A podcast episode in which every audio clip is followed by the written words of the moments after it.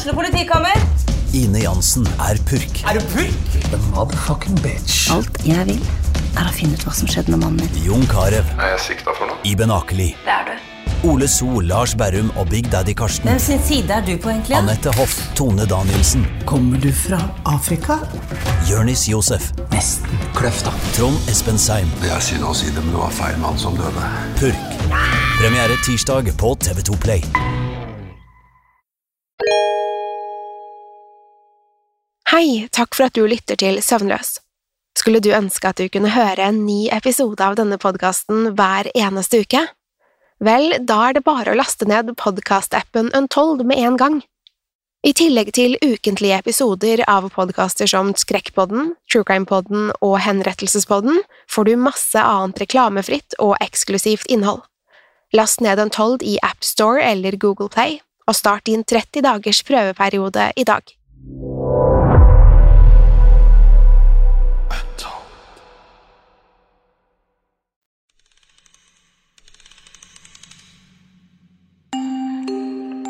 Om du har planer om å sove og drømme søtt i natt, er dette ikke podkasten for deg. Hvis du er lettskremt, lett påvirkelig eller har søvnproblemer, bør du styre unna akkurat denne. Om du likevel vil ta sjansen, eller er på utkikk etter en unnskyldning for å ikke sove, så har du kommet til rett sted. Om du velger å bli, er du herved advart. Velkommen til Søvnløs. God natt.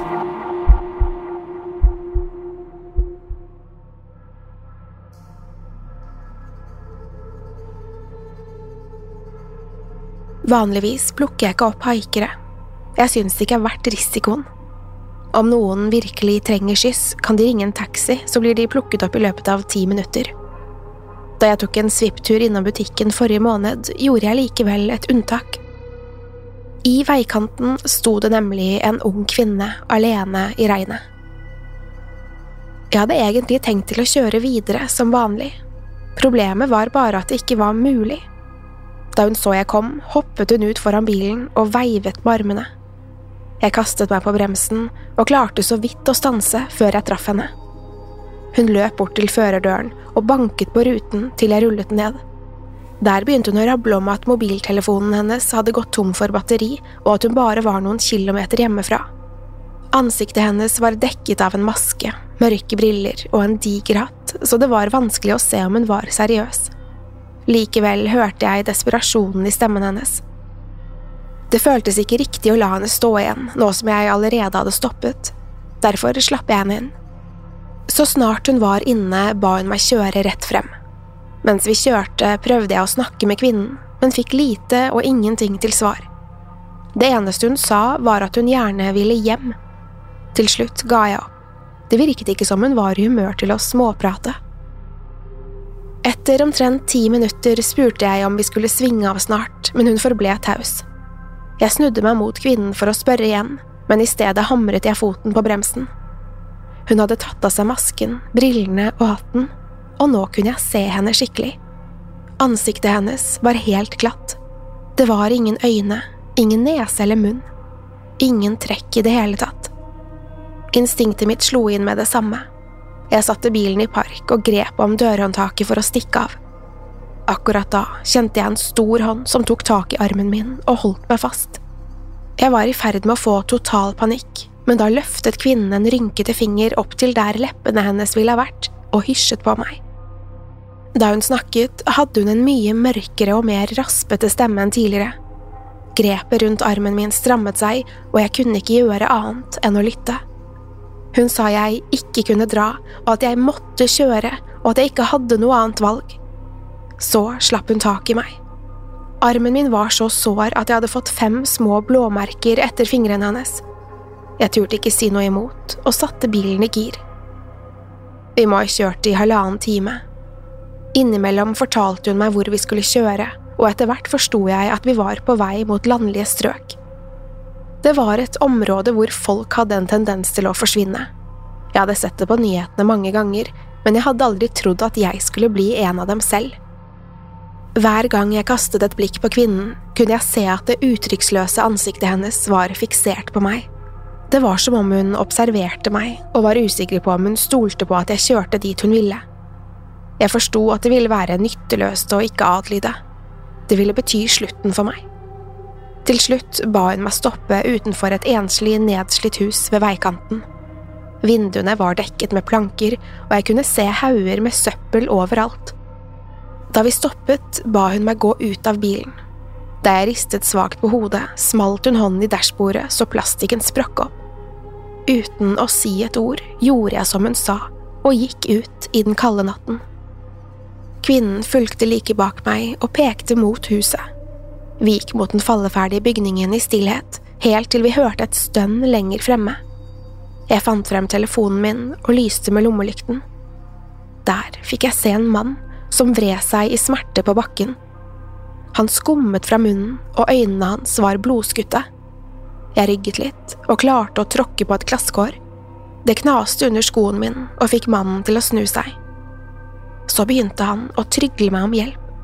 Han ba meg ringe etter en ambulanse, eller i det minste gi en siste beskjed til barna hans. Jeg sto som forsteinet og kunne ikke gjøre annet enn å se på da kvinnen gikk bort til ham. Mannen rablet noe om at han hadde gjort en stor feil, men det var alt han rakk å si. Kvinnen gikk til angrep. Før mannen rakk å reagere, var hun over ham.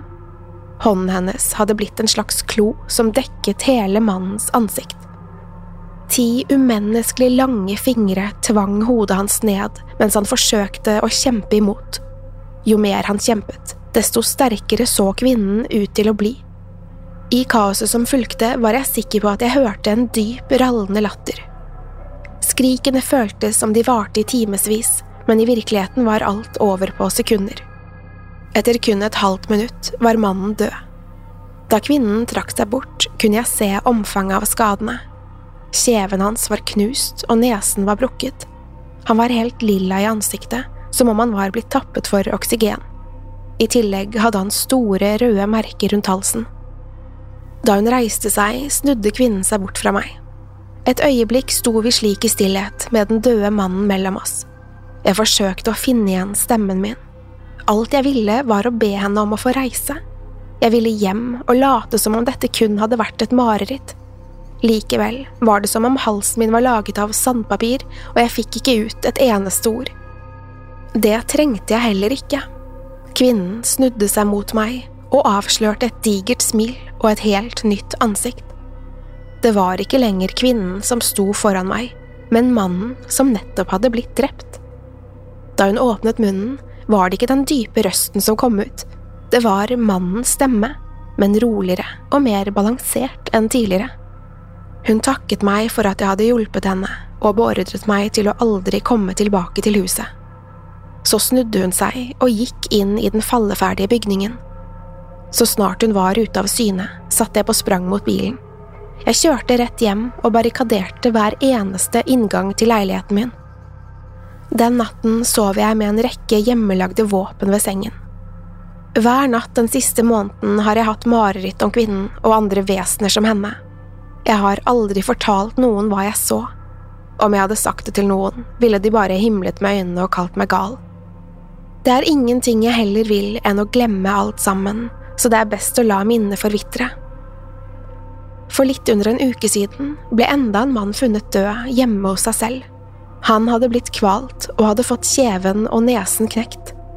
Det eneste sporet politiet har, er en skurrete video av en ung mann som ble sluppet av utenfor huset. I går var det noen som mente de hadde sett den døde mannen vandre nedover gaten. Da politiet undersøkte det, viste det seg bare å være noen som lignet veldig. Jeg vet ikke hvor mange som er blitt offer for disse skapningene. For alt jeg vet, er jeg den eneste men jeg tviler på det. Jeg er lei for det jeg gjorde mot mannen ved det falleferdige huset. Da jeg plukket opp kvinnen langs veien, var jeg sikker på at det var en god handling. Det som er sikkert, er at jeg aldri kommer til å plukke opp en haiker igjen.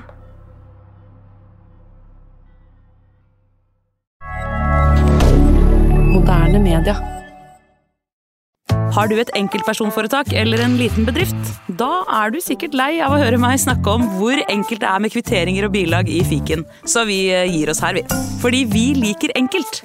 Fiken superenkelt regnskap.